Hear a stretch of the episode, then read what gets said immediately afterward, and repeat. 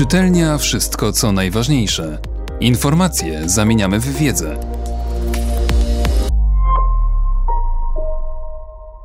Antoni Libera Maski demokracji liberalnej i buntownicy epoki neobarbarzyństwa.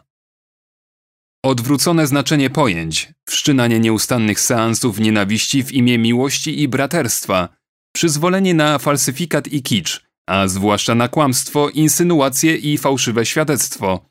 Niesamowity awans nieuctwa, pospolitości i hamstwa. Wreszcie piramidalna hipokryzja. Oto, co charakteryzuje naszą współczesną kulturę. Wszelka ocena dokonań w dziedzinie kultury i sztuki odbywa się zawsze względem jakiegoś punktu odniesienia. Tym punktem odniesienia jest zazwyczaj historyczna chwila, w jakiej się znajdujemy, a to oznacza aktualną sytuację w naszym kraju, na tle tego, co dzieje się w świecie, a przynajmniej w Europie Zachodniej. Tak więc ocena zależy przede wszystkim od tego, jak rozumiemy i interpretujemy dany stan rzeczy, oczywiście z perspektywy określonej opcji światopoglądowej i politycznej. Otóż nie trzeba być szczególnym znawcą bieżącej polityki i historii, aby mieć świadomość, że od dobrych dwóch dekad, jeśli nie dłużej, toczy się na naszych oczach wielka batalia o kształt cywilizacji, o jej ducha i ideały, o fundamenty naszego człowieczeństwa.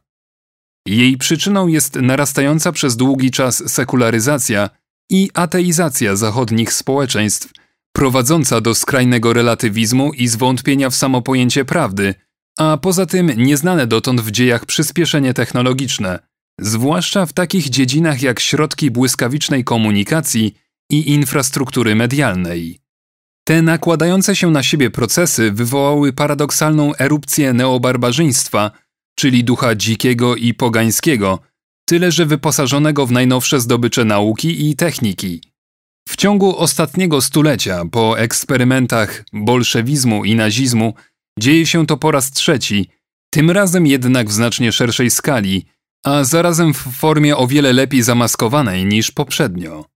Podstawowym paradoksem, a zarazem maską obecnej rewolucji jest to, że dokonuje się ona w łonie demokracji liberalnej, a więc w warunkach ustroju, który do dziś uchodzi za najbardziej przyjazny dla człowieka i sprawiedliwy system, jaki kiedykolwiek istniał na Ziemi. Demokracja liberalna powstała w akcie sprzeciwu na wszelkie tyranie i satrapie, chcąc dowieść, że respektowanie prywatnej własności, reguł wolnego rynku, a nade wszystko wolności i godności jednostek najlepiej służy rozwojowi wspólnoty i szczęściu człowieka. Przez jakiś czas, zwłaszcza w konfrontacji z systemami totalitarnymi i innymi opresyjnymi reżimami, rzeczywiście tak było, ale od pewnego momentu, wraz z rozpadem obozu socjalistycznego, demokracja liberalna zaczęła się psuć i paczyć i obracać przeciw samej sobie. Stało się to głównie wskutek fetyszyzacji jej fundamentalnych wartości, takich jak wolność i równość, doprowadzając ich sens do absurdu. Imperatyw poszerzania w nieskończoność wszelkich swobód, postulat przełamywania wszelkich tabu, kult absolutnej równości wszystkich i wszystkiego, wbrew oczywistej niezgodności tej idei ze stanem faktycznym, doprowadziły z jednej strony do dekadencji naszej cywilizacji, a w ślad za tym do jej straceńczo-samobójczej polityki imigracyjnej, z drugiej zaś do niesłychanej aktywizacji rozmaitych mniejszości, które uzurpatorsko przyjęły na siebie rolę przywódców i wyzwolicieli rzekomo uciemiężonych mas. Można powiedzieć, że oto dopiero dziś na naszych oczach w pełni dokonuje się antyutopia George'a Orwella, genialnie zarysowana przez niego w folwarku zwierzęcym i roku 1984. Odwrócone znaczenie pojęć pamiętne wojna to pokój, wolność to niewola, ignorancja to siła i tym podobne, wszczynanie nieustannych seansów nienawiści w imię miłości i braterstwa, przyzwolenie na falsyfikat i kicz, a zwłaszcza na kłamstwo, insynuacje i fałszywe świadectwo, niesamowity awans nieuctwa, pospolitości i hamstwa, wreszcie piramidalna hipokryzja – Oto co charakteryzuje naszą współczesną kulturę, politykę i cywilizację. Dlatego też na przekór tym wszystkim zjawiskom i tendencjom wskazuje trzy dzieła i ich autorów, którzy w rozmaity, ale ewidentny sposób idą pod prąd tej szaleńczej ideologii i towarzyszącym jej praktykom i przywracają godność nie tylko sztuce, rzemiosłu i artyzmowi, ale i zdrowemu rozsądkowi. Pierwsze z nich to czwarty tom dziejów Polski profesora Andrzeja Nowaka.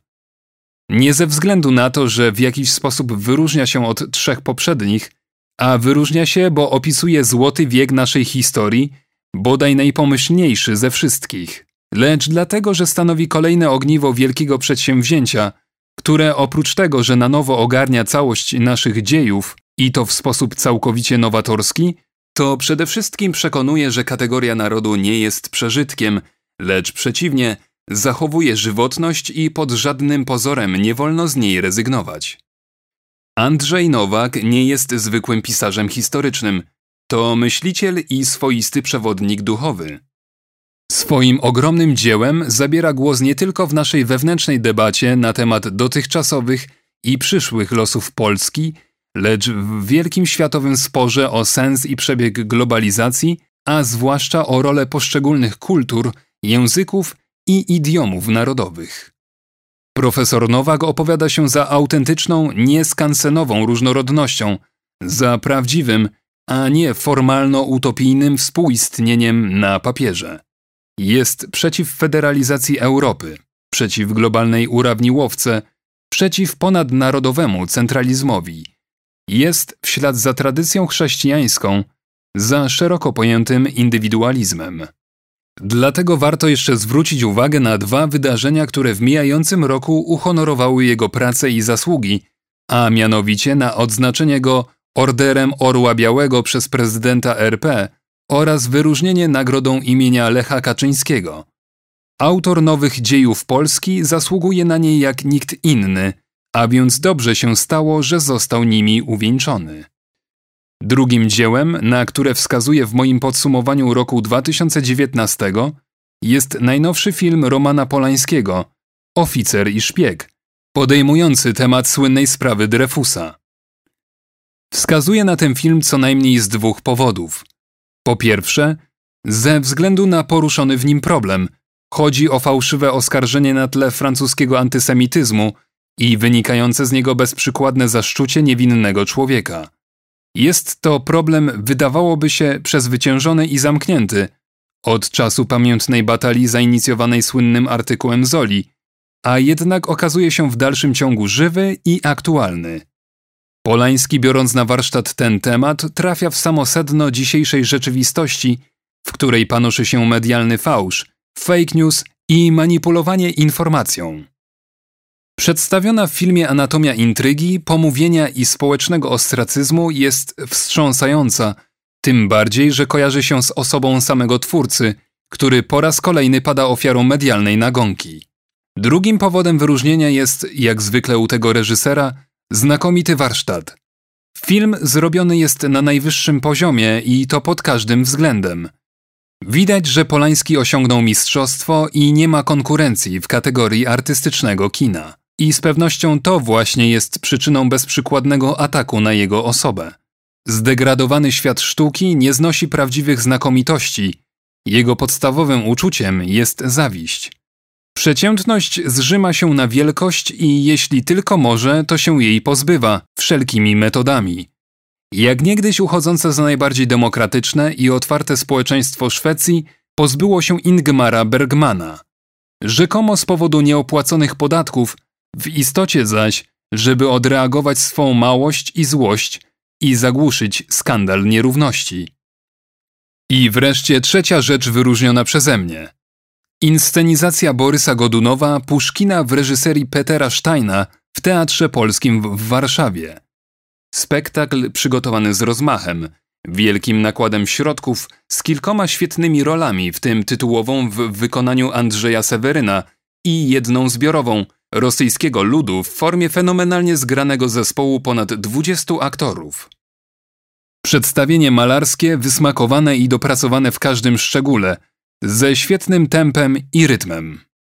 W dodatku zrobione nie po to, by ogłosić jakąś rzekomą rewelację czy postmodernistyczną prawdę, lecz aby po prostu przypomnieć dzieło największego rosyjskiego poety, a poprzez nie jakże ciekawą i niebanalną myśl, że udręczony lud rosyjski bynajmniej nie lubi łagodnych władców, którzy dają mu wytchnąć, lecz przeciwnie, gardzi nimi i wypowiada im posłuszeństwo, woląc tyranów, którzy bezlitośnie go batorzą albo najzwyczajniej mordują.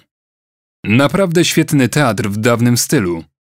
A jednak, choć być może właśnie dlatego, przyjęty przez nową krytykę, czyli wyznawców wiadomej ideologii i tak zwaną Warszawkę, chłodno, z grymasem znudzenia i lekceważenia, że to niby teatr passé i nikogo już nie obchodzi.